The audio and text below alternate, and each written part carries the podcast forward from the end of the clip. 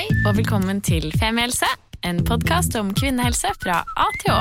Og jeg heter Helene, Og jeg heter Sigrun. og vi har startet denne podkasten fordi vi mener at det bør snakkes mye mer om kvinnehelse. Så la oss snakke. Hei, hei. Og velkommen til podkasten Helene Svabe. I dag skal du få lov til å begynne. Ja, fy faen. Sigrun gikk så hardt ut og meldte at du alltid begynner. Det, er, det, er, det, er litt sånn, det sier jo litt om hvor jeg er. Sånn, tenkt på sånn, fy fader. Det er ikke sant. Så selektivt minne. Men i hvert fall, i dag begynner jeg. Da er det eh, klassisk spørsmål. jeg er så spent. Hvordan går det, Sigrun? Det går eh, Altså, jeg føler meg litt gæren. Ja. Ja.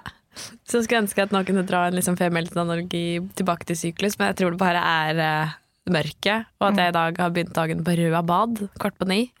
Um, som på en måte er deilig, men jeg føler også at jeg blir Jeg får klor går opp i hjernen min og krymper den, og huden. Og Tuti hadde det største trassanfallet uh, når vi skulle opp, for jeg orket ikke å være der mer enn en time. Eh, Inni bassenget, liksom. Tissebassenget. Du vet når det ligger sånn liten eim av urin over det varme bassenget. Klor og urin. Klor og urin, det er vanskelig kombo. Det svir i hjernen. Mm. Det klikka, klikka, klikka for henne.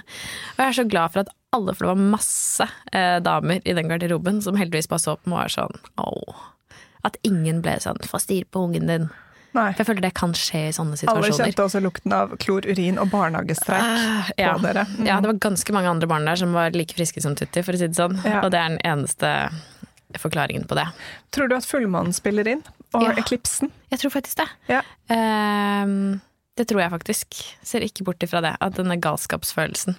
Så nå var det veldig deilig at lydtekniker Olav passer barna en time mens vi Ja, sitter her. spiller egentlig ikke inn episoden nå, vi bare prater, så Sigrid får litt barnevakt. Ja. Ja.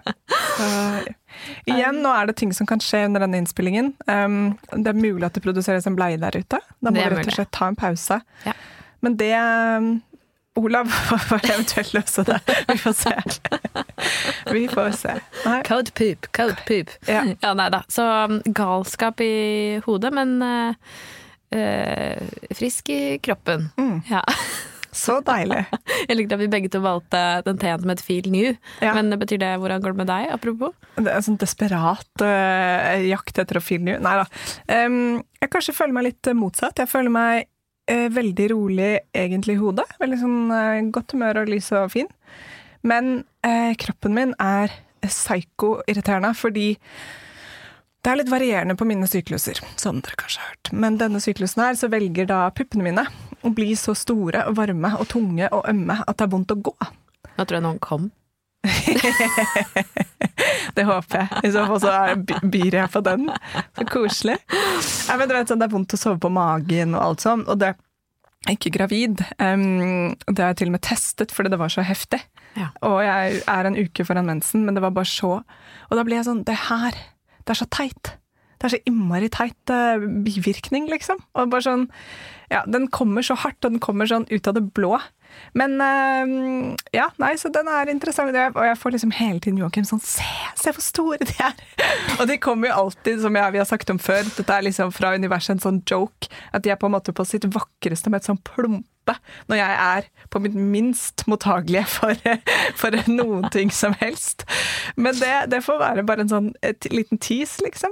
Jeg skulle ønske at de var ikke vonde, men litt sånn store og flotte rundt eggløsning. Det er de ikke. Da er de ofte litt sånn mer sekkete, på en måte. Sekkedressiner. Ja, for jeg Ja. sier ofte det samme til Jon. Jon, se, se så små og innsunkne de er! Etter at jeg har ammet, så er det jo bare to hengerosiner. Og det er fint. Jeg syns det er veldig Vet du hva, jeg- jeg synes det er utrolig behagelig. Ja, For jeg har hatt liksom, liksom breie hjul, da. Ikke så store, men veldig brede pupper i Ja. alle år. Og nå er de sånn Etter at du gikk til den legen og fikk p-piller for større pupper, Ja. så er det på en måte en bør du har måttet bære, bokstavelig talt. Ja, det er akkurat det. Nå liten, behagelig mengde. Mm. Trives veldig godt med det. Faktisk en ting jeg ville si, fordi eh, jeg har vokst opp med å ha veldig flotte pupper. Alltid hatt veldig fine pupper. Det er så deilig for deg. Ja, Kjent i gjengen som en med fine pupper. Ja. Og det vil jeg jo selvfølgelig fortsatt si at jeg har. Jeg Mhm. syns jo pupper er veldig vakre. eh, En del av en kvinnekroppen som er veldig vakker uansett pupp. Det mener jeg. Er det derfor mailen din er de deiligste puppene er totmail.no? Ja, eh, ja. jeg har tatt mail.no, jeg faktisk. Jeg fikk det, ja, XXX. Men så er det jo da en del som har ammet, som sier at ja, men da skjer det noe med puppen. Men det har skjedd masse med mine pupper også. Spesielt de siste seks-syv årene. så de, har de endret form. De Post 30. ja, mye mer innsunkne ved armene. Der har jeg fått et litt sånn søkk. Eh, og de har Før så kunne jeg ta blyanttesten, det kan jeg ikke lenger. Ikke? Og jeg har da ikke liksom gått opp og ned i vekt ved en graviditet, jeg har ikke ammet, det er ikke noe som har skjedd, men det bare skjer naturlig. Så jeg vil egentlig bare si at selvfølgelig så kan det være større endringer som skjer ved graviditet og amming. Men det skjer liksom bare uansett. Og det er liksom, jeg syns det er fint å få det er sånn en annen form for pupper. Selvfølgelig, da du først begynte å legge merke til det, så tenkte jeg sånn Nei, min identitet forsvinner hen. Men nå syns jeg bare det er fint. Kanskje du kommer til et punkt hvor du føler deg befriet, sånn som meg, som syns det er deilig med Ja, små ja. rosiner. Altså, jeg, jeg virkelig ikke føler noen ting altså negativt rundt puppene mine. Bare fine Positiv ting. aura. Positiv aura rundt mine pupper til enhver tid. Bortsett fra selvfølgelig når de er som sånn smertefulle ja, harde meloner som jeg må gå med. Som gjør vondt for hvert skritt Kanskje jeg tar. granatepler, som er Ja. sånn Ja. Og så tilbake til liksom, hva kan man gjøre med det. Sikkert noe jeg kan gjøre med det, men uh, det er ikke det heller. egentlig. Kanskje noe wild yams. Wild yams, Bitex, Agnus cactus. Er, jeg har prøvd det meste. Det. Men uh, det er um, jeg, jeg lever med det. Ja. Så er det litt sånn, ok, så får jeg kjenne litt på det. Da. Det er som å være støl. Det er bare sånn ordentlig støl, bortsett fra at det er i puppene. Og det, um, det er sånn der. Og da er det egentlig en god grunn til å ikke kunne trene sånn kjempehardt og sånn. Det er kjempelurt. Mm, kan ikke ljuge. Det går faktisk ikke. Er det sant? Mm. Det er veldig god grunn også til å ikke dra i svømmehallen med toåringer. I dag tok hun liksom puppen min i sånn herre Altså det var sånn hamburgergrep som når man skal amme Ja. i badedrakt, og så sto hun og så gjorde hun sånn eh, eh, eh, utenpå badedrakten. Og jeg merket det egentlig ikke først, fordi jeg er så vant til at hun krabler opp meg. At jeg så den, jeg var bare sånn Slutt! Ja, slutt. Det er min kropp nå. Du, jeg bor ikke her mer. Vi er ferdig med fjerde trimester. Eh, eh, ja. Litt sånn hardt. Mm, deilig. Ja. Ok. Ok. Nok om oss, eller? Eh, ja. Ja. Nok om oss. Over til vår kjære gjest, som er um, Dette var en sånn uh, klassisk sånn 'Å, vi må spille inn ny episode om dette'-type stemning. Og så hadde jeg et sånt rush over meg hvor jeg bare sendte en melding til PCOS Norge-kontoen på Instagram og sa 'hallo, vi roper, har dere lyst til å komme på besøk'? Og heldigvis så svarte Anne Helene oss og sa 'ja, det vil jeg'.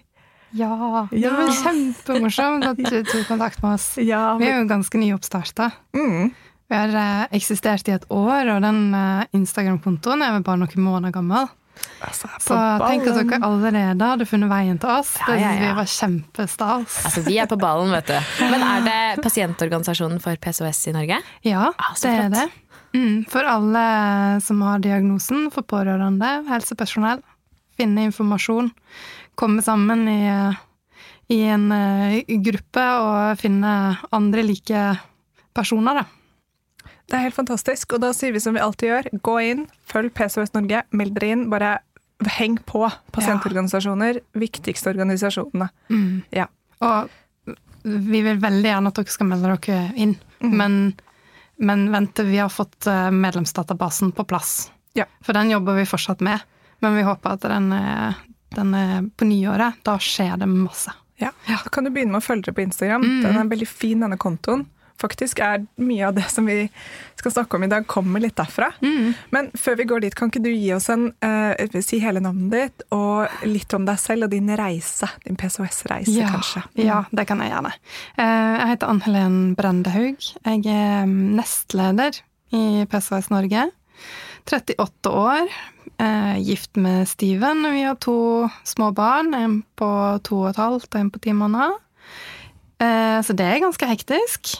Um, Mitt første barn er, eh, ble til ved hjelp av IVF etter tre års prøving. Det er nok ganske sånn klassisk eh, PCOS-historie, tror jeg.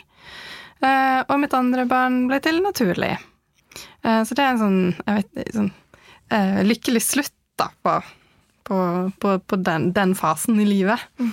Um, jeg fikk diagnosen da jeg var 18 år, så jeg har hatt den i 20 år nå. Eh, og så var det egentlig et ikke-tema i, i uendelig mange år etter det.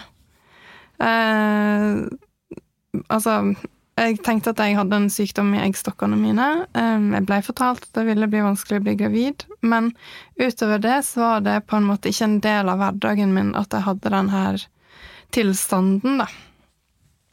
Eh, og så gikk jeg vel òg egentlig med en sånn tanke om, kanskje litt sånn naivt, at bare jeg nå klarte å få de her ungene som jeg jo endelig hadde bestemt meg for at jeg skulle få, eh, så ville jo den PCOS-en sikkert ordne seg.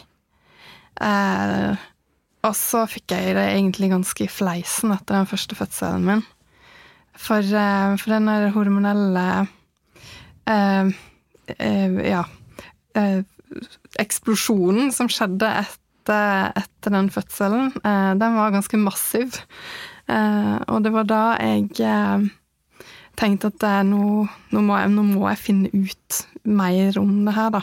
Og satte meg ned og leste og leste og leste, og tenkte bare wow, det her forklarer liksom hele mitt voksne liv.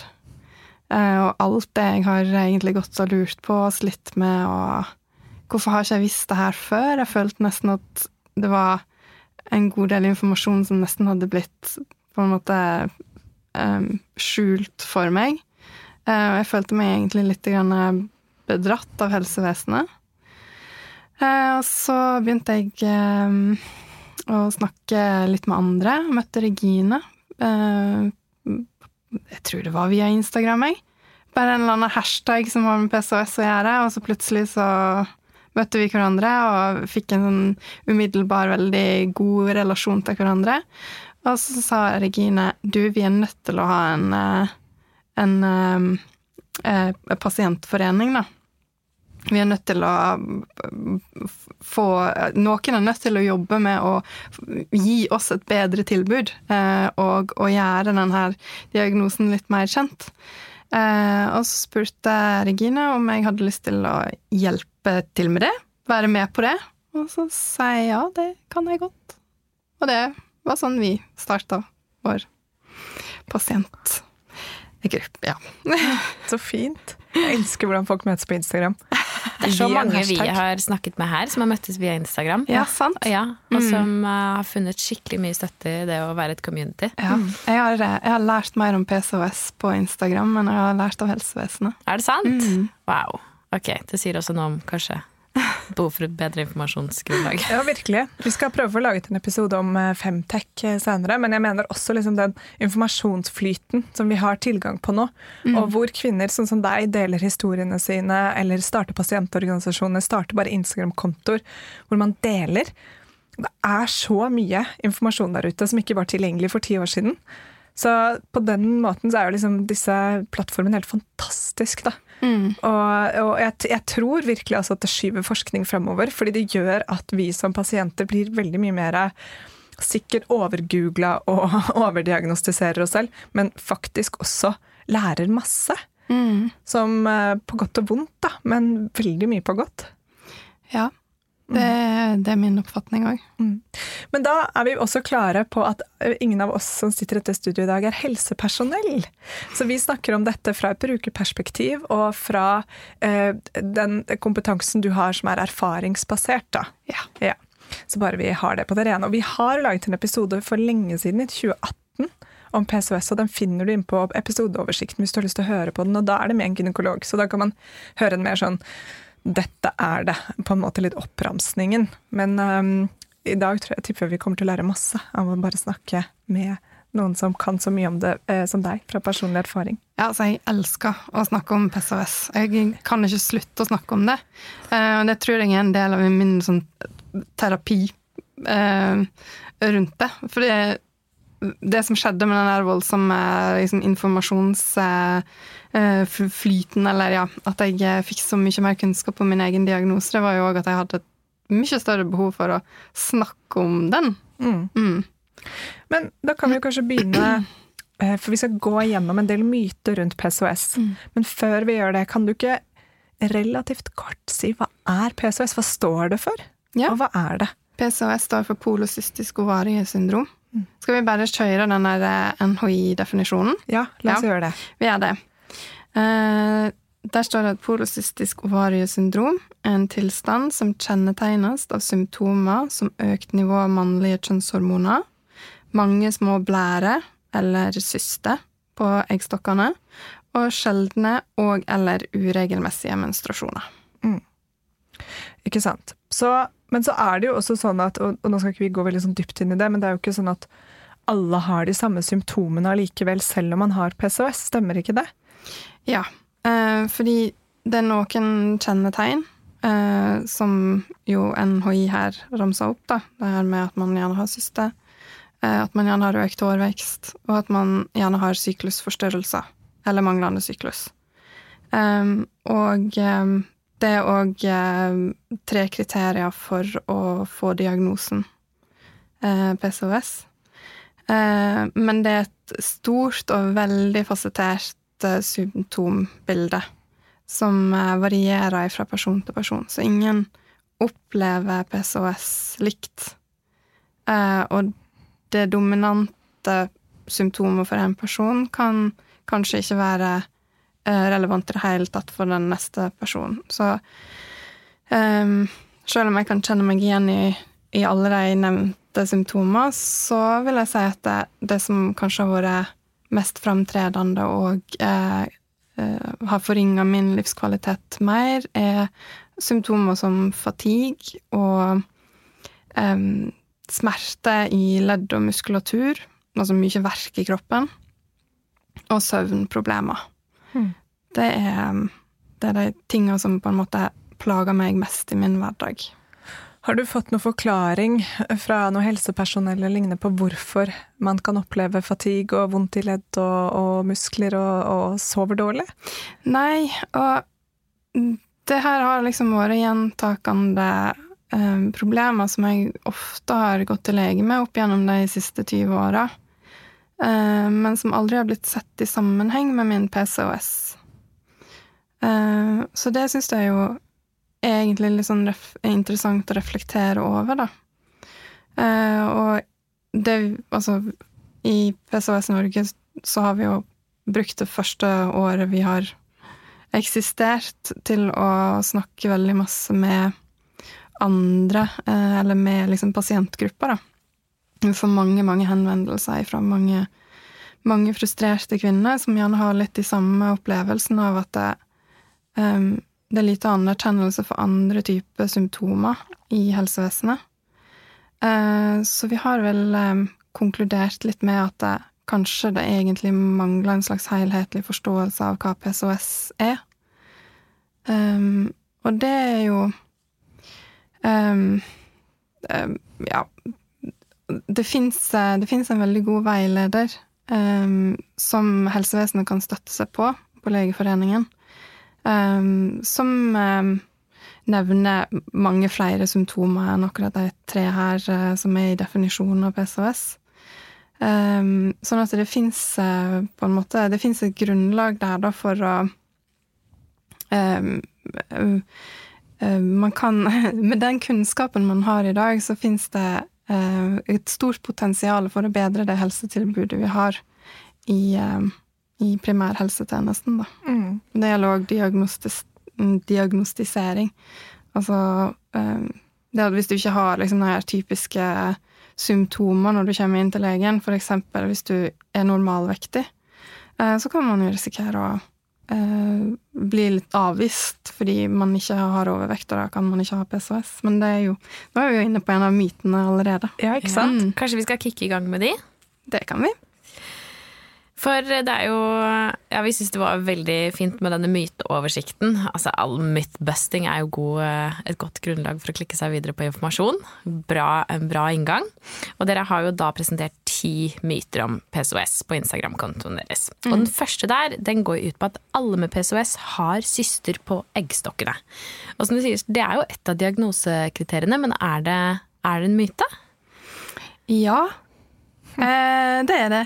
Eh, fordi at eh, man må ikke ha alle de tre diagnosekriteriene. Altså Diagnosekriterier det er jo da at man har syster på eggstokkene, og da er det snakk om mange syster.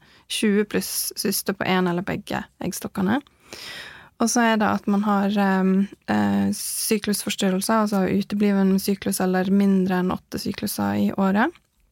Og så er det at man har forhøya androgennivåer. Da er det enten snakk om på en blodprøve, altså at man ser det på blodprøven, eller eh, ved kliniske funn, altså at man har f.eks. hårvekst i ansiktet eller økt hårvekst andre plasser på kroppen. Eh, og man trenger to av de kriteriene for å få diagnosen PCOS. Så derfor trenger man ikke å ha eggstokkene for å få den diagnosen. Eh, og så er det sånn at det kan eh, eh, variere gjennom livet. Om man har syster eller ikke har syster. Jeg hadde mange syster tidlig i 20-åra. Eh, men i midten av 30-åra var jeg nesten systerfri.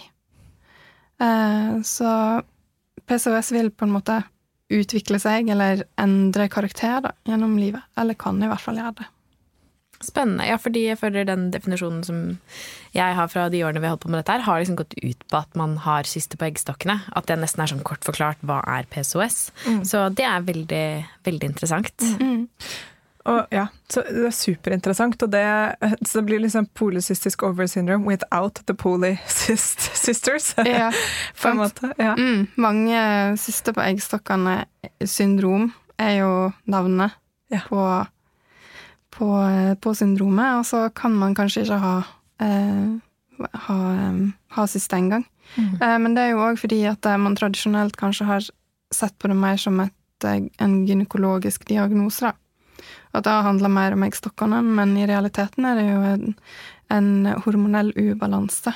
Så det går jo på hele kroppen og påvirker på en måte alle aspekter av livet ditt. Og det er ikke bare um, de hormonene man, eh, man lager i eggstokkene, men òg insulin, da. Insulinresistens, som er jo et eh, eh, veldig eh, eh, ofte, eller veldig mange har insulinresistens. Jeg tror det er snakk om rundt 70% av alle som har PCOS. Eh, og så er det andre hormoner som kortisol, altså binyrene spiller inn. Eh, stoffskiftet spiller inn. Men ehm, du sa jo at eh, i hvert fall mengden syster og sikkert mye annet kan forandre seg gjennom livet. Og det er jo egentlig en fin bridge til den andre myten, som er jo det at PCOS vil forsvinne etter overgangsalderen. Ja. For NHI skriver jo òg at det, det er en em, em, At det rammer ca. 15% av alle kvinner i fertil alder. Uh, og da har jo vi spurt om de 15 og bare plutselig forsvinner etter at de har kommet i overgangsalder.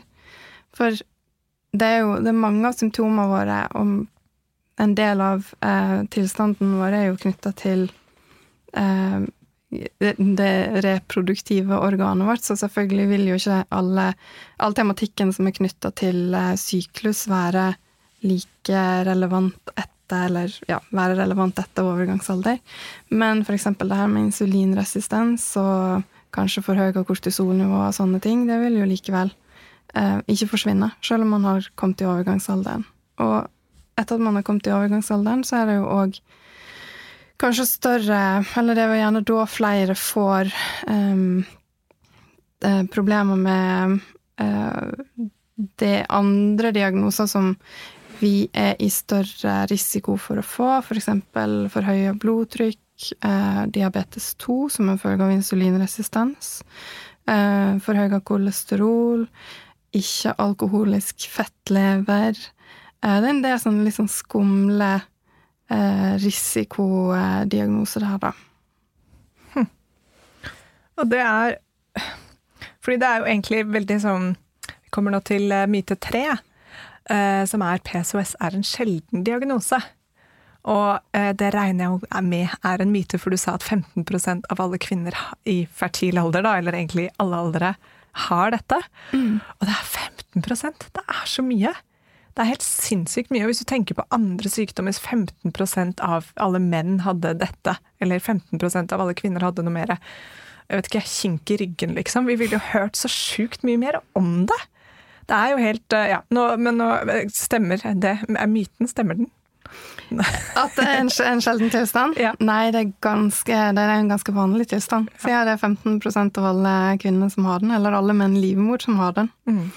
Eh, men det er jo en stor andel eh, som har PCOS som eh, går udiagnostiserte, og som ikke vet om eh, at de har det. Og det er òg mange som først får diagnosen når de ønsker å stifte familie og eh, opplever problemer med å få barn. Da. Så nei, det er jo Eh, Det er heller ingen ny sykdom, Man har dokumentasjon på den langt tilbake i tid. Eh, Så det vil vi absolutt eh, tilbakevise. Mm. Men det kanskje en eh, diagnose som det er litt vanskelig å snakke om, for den er litt privat, og den er litt personlig. Altså det å snakke om syklusforstyrrelsene sine, eller eggstokkene sine, eller skjeggveksten sin, eller eh, overvekten sin, eller det faktum at det kan være veldig vanskelig å gå ned i vekt, det er liksom stigmatisert. Eh, veldig tabubelagt, og kanskje ikke noe man Ja. Det, eh, jeg, jeg forstår det veldig godt, at det ikke er så mange som snakker om det. Det er så synd, for tenk om det var liksom mye mer Tenk om samfunnet var tilpasset sånn at det var helt naturlig, så man kunne si nettopp det. Sånn, «Eh, men jeg har PCOS. Bare å ja, da Mm. forstår jeg. Eller sånn ja, ok, ja ja. Altså at det skal være en sånn hemmelighet og ja, at man ikke føler at man kan snakke om det. Jeg Men- skjønner det veldig godt, altså. Vet du hva som hjalp veldig for meg sånn mentalt i det med å gå ut og snakke mer om, om en diagnose? Det var jo nettopp å skjønne at jeg har ikke en sykdom i eggstokkene. Det her handler ikke om det. Jeg har en hormonell sykdom, eller en, en hormo- et hormonelt syndrom, Ja. som eh, påvirker hele kroppen min. Mm. Så det handler på en måte ikke om mitt reproduktive organ lenger. Det handler om hele kroppen min. Det er en sykdom. Ja, Mm. ja det skjønner jeg. Et syndrom, så er det en, opp, en opphopning av, eh, av eh, symptomer, da. Eh, og så er det ikke en sykdom man kan bli frisk av, eh, men det er et syndrom som man kan eh, lindre en del symptomer på. Mm. Så man bærer det med seg gjennom hele livet. Mm. Mm. Du sa jo at ø, en del oppdager det når de ø, prøver å bli gravide. Og da kan vi jo gå til myte nummer fire, som er at du kan ikke bli gravid når du har PCOS. Mm. Ja, det er, det er kanskje det som er mest triggende for meg, det er hver gang jeg eh, får en melding fra eh, en, ei ung jente som er kjempeulykkelig fordi hun har vært hos legen, har nettopp blitt diagnostisert med PCOS, og det ene tingen hun bærer med seg ut ifra den samtalen, da, det er at eh, legen har sagt at nei, du, det kan bli veldig vanskelig for deg å bli gravid, eller nei, du kommer ikke til å bli gravid uten hjelp. Uh, det, og det syns jeg er så, så leit, fordi at vi har så masse eh, altså medisinske hjelpemidler og kunnskap om den biten i dag at uh, det er så unødvendig å legge det fram på den måten. Da burde man heller eh, fokusere på nettopp det her med at uh, og den dagen du ønsker å bli gravid, så er vi her for å hjelpe deg hvis det skulle bli nødvendig. Mm. Det hadde vært en mye ja, um, finere inngang, da. Mm. Det synes jeg er helt enig. Det er veldig hvordan man sier det. det jo, ja, når jeg er 37 og vi har vært hos gynekologen, og så er det sånn ja, hvis du noen gang prøver å bli gravid, og det, du ikke går på seks måneder, si fra. Så sånn, takk. For da skal ikke du, du skal ikke prøve et år før du får noe fertilitetsbehandling. Det er du for gammel til, liksom. Så det er en veldig sånn grei måte å si det på, istedenfor å si sånn Husk at du har dårlig tid, nå må du skynde deg. Du vet at det blir vanskeligere og vanskeligere. Ja, jeg vet. Takk som byr. Men det er jo også forskjell på å si 'det kan bli vanskelig, og vi kan hjelpe deg'. Ja, Som er liksom en negativ og en positiv måte å, å si det på. Ja. Så, og, jeg er jo glad for at det heldigvis var sånn det ble kommunisert da vi laget denne episoden for noen år siden om PCOS. Mm. Litt jeg kan huske. For det er jo, det er jo ganske mange som òg får nettopp den beskjeden 'gå hjem og prøve et år', eh, så kan du komme tilbake hvis det ikke har gått. Og da er det litt sånn Ja, man kan, man kan gå hjem og prøve i et år, men hvis man ikke har menstruasjon, og selvfølgelig at man ikke har eggløsning, så er det på en måte ikke vits å prøve et år. Eh, For da har man veldig få, eller kanskje ingen sjanser til å bli gravid. For det er jo det som er det som er grunnen til at så mange trenger hjelp til å bli gravide. Nettopp at med PCOS så har man eh, kanskje uregelmessig eggløsning på grunn av den hormonelle ubalansen. Um, så da tenker jeg at en bedre inngangsport til det vil være å tenke at man skal jobbe med å få en hormonell balanse som gjør at man får eggløsning og kan uh, ha flere sjanser til å bli gravid, da. Uten at man trenger å vente et år på, på det. Uh, og det fins medisiner i dag som man kan bruke for å få, få eggløsning. Mm. Det er ganske vanlig. Det kjenner jeg veldig mange som har benyttet seg av og hatt god effekt av. Mm. Det er ikke så veldig skumle medisiner heller. Det er, eh, enten så er det piller, eller så er det en eggløsningssprøyte også, men det er liksom Ja. Mm. Ja, det er lite invaderende behandling. Mm. Eh, og det har jeg òg vært igjennom Mm. for min første. Mm. Det er veldig fint. Eh, myte nummer fem. Alle med PCOS bør bruke p-piller. Ja. Det her er jo, da er vi jo inne på liksom behandlingstilbudet vårt, da. For det er jo ikke, det er jo ikke så stort eh, handlingsrom der. Eh, man blir jo ofte litt overlatt til seg sjøl. Eh, og så blir man gjerne satt på p-piller fordi man har en blødningsforstyrrelse som man jo da på en måte vil Skal vi si kontrollere, på, et vis. Men jeg syns at det er viktig å påpeke at selv om du har PCOS, så er det ingenting du må gjøre. Så det er det er på en måte ditt personlige valg hvorvidt du vil gå på p-piller eller ikke. Og det er ikke nødvendig å gå på p-piller selv om du har PCOS. Ja, alt det har vi sagt om før òg. Vi har sagt med noen gjester der også, helsepersonell, om det med når man sier jeg har uregelmessig menstruasjon, så bare ja, da må du gå på p-piller for å regulere den. Så bare hvorfor det? Nei, for da får du regelmessig menstruasjon. Bare ja, hvorfor det? Ja, hva skal jeg med det? Hva hjelper det? Det er, ikke, det er jo ikke en ekte menstruasjon engang. Det er jo bare en, en, en stopp i fake hormoner som gjør at du da blør ut en slimhinne. Jeg skjønner ikke. Eller en altså, mensenhinne. Bare, det, bare, hæ? Det gir ingen mening. Nei, Da vet du når du har det, eller du kan kontrollere det. Bare, ok, Så jeg skal gå på p-piller for å vite at jeg ikke får mensen akkurat når jeg er på sydentur? Ja, ok. Ja. Eh, jeg tror òg at det er ganske viktig at eh, man blir opplyst om akkurat det. Eh, at eh, p-piller brukes til å maskere en del av de symptomer du har, f.eks. at du har blødningsforstyrrelser. Men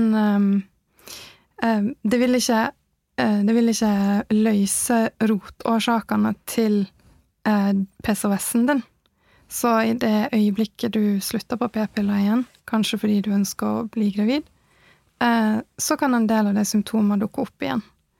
Og jeg tror òg at ganske mange opplever å ha blitt satt på p-piller tidlig i livet, eh, og så egentlig har på en måte fått utsatt å få den diagnosen eh, fordi de har tenkt at de har en helt normal syklus, sånn at de, de får den beskjeden eh, ganske sånn tett opp til det at de ønsker å starte en familie, og at eh, man har da eh, funnet ut at man har en del problemer som man ikke visste om.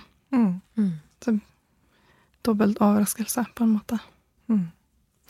Og det er jo litt over på neste myte, da. Og det er at hvis man ikke ønsker å bli gravid, så trenger man ikke å bekymre seg for eller å behandle PCOS-en sin. Nei, det er litt den opplevelsen man sitter igjen med, fordi ehm, det er to ting som går igjen i de pasienthistoriene vi, vi får til oss, og det samsvarer òg egentlig ganske godt med egen opplevelse, og det er at eh, eh, man, man får diagnosen, og så eh, er det veldig mye snakk om vekt, enten at man ikke må gå opp i vekt, eller hvis man er overvektig, at man må gå ned i vekt for å lette symptombildet sitt. Og så er det 'kom tilbake hvis du trenger å bli gravid', for det kan bli vanskelig for deg. Eh, og da tenker jeg at det, det det tar på en måte ikke helt eh, høyde for alle de andre eh, symptomer som vi eh, sliter med i det daglige livet vårt. Ehm, som igjen gjør at man kanskje føler seg litt bagatellisert og litt neglisjert. At eh, det ikke er så viktig da, å hjelpe med alle de andre tinga som ikke handler om fertilitet. Um, og ja. Men er det Altså, eh, vi har jo ikke snakket så mye om behandling, og nå er jo vi heller ikke helsepersonell, men kanskje du kan si litt om din, ditt forhold til behandling? Eller hva, når du snakker om det med hormonbalanse og eh, nettopp det som ikke handler om fertilitet, men som handler om hverdagen? Ja eh, PCOS er jo noe jeg tenker på hver dag, og som påvirker meg hver dag. Um, og det begynner gjennom natta. uh, for jeg har jo litt søvnproblemer. Um, som kan være knytte mange ulike hormonelle ubalanser. Så er det jo det her med at jeg eh, gjerne har eh, vondt i kroppen og Altså, i stor grad så handler det jo egentlig om å håndtere symptomer eller å prøve å finne en slags eh, hormonell balanse gjennom eh, livsstilsgrep. Jeg har eh, valgt å leve helt eh, medisinfri. det finnes jo medisiner man kan ta for insulinresistens. Mange går på metformin, for eksempel. Um, og så er det òg medisiner som går på for eksempel det her med kroppsbehåring og andre um, ja, ting som det. Men um, det er veldig masse man kan gjøre sjøl gjennom eh, uh, livsstilsgrep. Og da snakker jeg egentlig om mer enn bare det her med kosthold og vektreduksjon og alt det. Da tenker jeg òg på ting som søvn og eh, stress, eller eh, stressmestring. Eh, ja. Jeg har fokusert mye på de andre tinga. Mm sitter alle som hører på, bare 'Å, nei! Søren! Jeg hadde håpet at du sa sånn Ja, jeg tar denne pillen hver morgen. Men det er jo dette som kommer tilbake Ok, dette er så spennende, for dette kommer tilbake igjen med så mange kvinnesykdommer at uh, på en måte livsstil kan ikke redde deg, men det har masse å si. ikke sant? Det har masse å si hvordan du spiser, og hvordan du lever, og hvordan du har det. Og det, tilbake igjen til det vi ofte kommer inn på, så er nettopp det med stress, og at ikke liksom, verden er ikke tilpasset oss lenger, sånn at vi faktisk kan leve i det tempoet som er best for hormonene våre, rett og slett. Mm. Det er kanskje liksom, det er, en, det er faktisk en vond pille å svelge. At det jobber imot oss, og at vi må være veldig sånn stå veldig på krava, og i oss selv, da, ikke minst, for å orke å liksom prøve å roe ned for å nettopp ikke la kortisolen ta over alt inni kroppen og, og, ødelegge for alle de andre hormonene som prøver å gå i balanse, liksom. Mm. Og så tåle når folk sier sånn 'Har du prøvd mindfulness, da?' Ja. Ikke sant? Så, det er irriterende at det ikke finnes en quick fix, men det er ikke alltid det dummeste forslaget. Nei, det er dessverre ikke det. Og det er jo nettopp det også med kosthold. ikke sant? Det der med å sette seg inn i hva som er et godt kosthold. Men, og kanskje litt av det som er problemet og som er vanskelig med disse formene for tilstander, er at du blir kanskje aldri helt frisk. Og da kan det være kjempefrustrerende å leve veldig restriktivt og prøve veldig hardt å bli frisk, og så, så kommer du kanskje på 70% men det er bedre enn å være skikkelig dårlig. Så den, den balansegangen der kan jeg slite med også når det kommer til mine hormonelle ubalanser. At jeg vet at hvis jeg legger inn på en måte en rolig innsats i å leve enda bedre, så kan det bli bedre. Men det betyr ikke at det blir det heller. Og mm. noen sykluser så er det bra, andre ikke. Så det er, sånn, det er frustrerende. Men det er også en del av svaret, da. Mm. Altså man ikke får resept på, dessverre. Man må liksom bare fikse det sjæl. Ja, jeg tenker jo at det, Altså, eh, sånn som det er lagt opp i dag, så er på en måte um, primærbehandlingen for PCOS det er vektreduksjon. Og for det første så eliminerer det på en måte en tredjedel av pasientgruppa som ikke har overvekt. Og da kommer vi jo videre til myte nummer syv, som ja. er du blir frisk av PCOS om du blir normalvektig. Ja. ja. Eh, fordi man kan gjerne få litt inntrykk av at det skal på en måte løse alle problemene dine. Mm. Fordi det er det som blir sagt å være eh, kuren, da, på en måte. Eller eh, da, det, da vil man eh, oppleve symptomlette. Eh, men eh, vi ser jo at det ikke alltid er tilfellet. Um, og um, jeg tror nok at alle er enige om at um, det, er, det er bra for en å gå ned i vekt hvis man er overvektig. Altså det, det vil ha helsemessige fordeler uansett. Det vil det. Men veien dit kan for oss med PCOS være veldig lang, da, når vi har eh, hormonene som på en måte jobber litt imot oss i, eh, i den vektreduksjonen. Og det er jo tilbake på dette her med insulinresistens, og at eh, cellene våre ikke tar opp insulin på riktig måte, sånn at vi har for mye insulin i blodet vårt. Um, og uh, bruk Eller ja, kroppen har mindre tid i fettforbrenningsmodus, da, fordi at de, de to jobber mot hverandre, på en måte. Så um, veldig mange bruker egentlig hele livet sitt på å være på en slankekur. Mm. Og på å leve veldig restriktivt i kostholdet. Og det er så mange som har så mange meninger om hvordan man skal leve, eh, at man nesten stresser seg litt grann opp over det òg. Og at det bidrar på en måte til å forsterke andre hormonelle ubalanser igjen, da. Eh, eh, så jeg skulle ønske heller jeg har en slags brannfakkel om at hvis man eh, slutter å ha et så veldig stort fokus på at eh, alle med PCOS skal ned i vekt, men heller hadde fokusert på at vi burde prøve å oppnå en slags bedre hormonell balanse, og det ved hjelp av kosthold, ved hjelp av gode søvnrutiner og stressmestring og riktig type aktivitet. Um, så hadde man kanskje fått en følelse av at man eh, jobba på lag med kroppen sin, og ikke kjempa mot kroppen for å redusere vekt hele tida. Eh, og det igjen kan gi økt livskvalitet. Så det var, det var veldig avgjørende i min egen liksom eh, måte å se på sykdommen min på, da. Eh, og bruke de verktøyene jeg har til rådighet når det gjelder måten jeg lever på, til å prøve å oppnå bedre helse. Heller enn å hele tida jage vekta og jage eh, der Ja. Og de ofringene det også er, som Helene var inne på nå. Det, kan være i hvert fall å være på diett. At eh, er jo krevende jo og et stort offer. Ja, det er akkurat det. Ja. Sånn at uh, det blir jo kanskje en vekting av visse typer plager opp mot uh, hvor heftig det kan være da, å gå på en, en streng diett. Mm. Mm, jeg syns det var veldig fint det du sa om å måte finne en måte for deg som funker når du kommer til å oppnå en best mulig hormonell balanse, og at det trolig er individuelt også.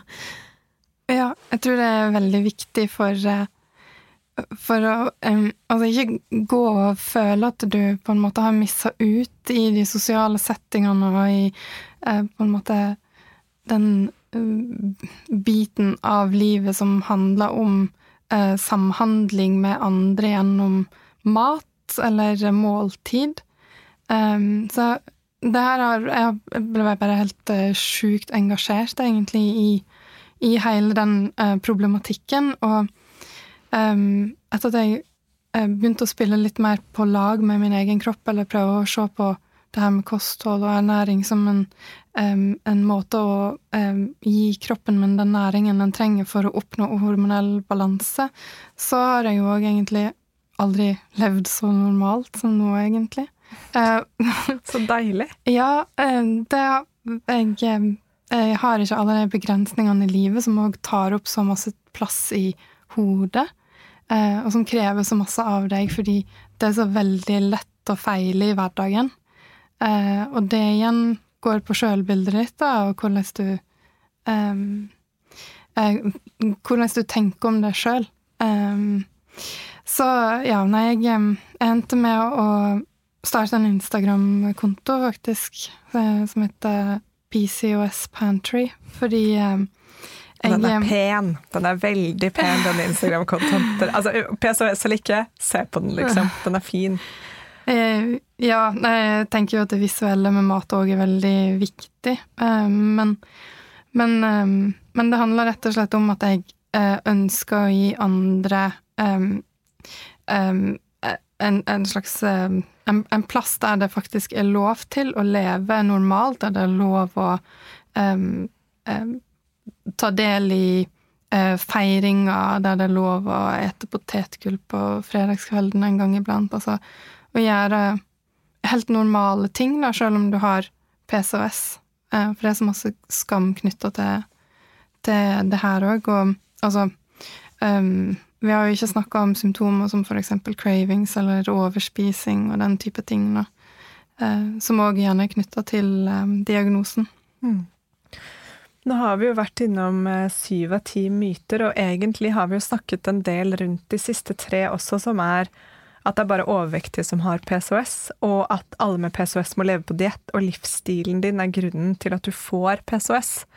Og jeg, sånn som jeg leser samtalen vår, så er det, alt dette er også myter. Det er, det er ikke bare overvektige som har PCOS, det er en tredjedel er normalvektige. Mm. Ja.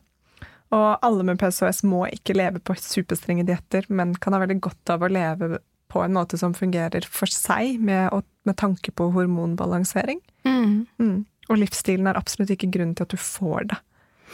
Nei, det er ikke din feil at du har PCOS. Mm. Er en um, Man veit jo ikke årsaken til PCOS. Så det er absolutt uh, grunnlag for å forske mer på vår diagnose, sånn at man uh, kanskje får litt bedre svar eller bedre innsikt i hva det er som, som gjør at uh, man får PCOS. Um, men man tror at det er snakk om genetikk, miljø, kanskje samspill med livsstil. Mm. Så det er det, det, er ikke noe vi kan gjøre Eller det er ikke noe vi har gjort galt som gjør at vi på en måte har utløst det her syndromet.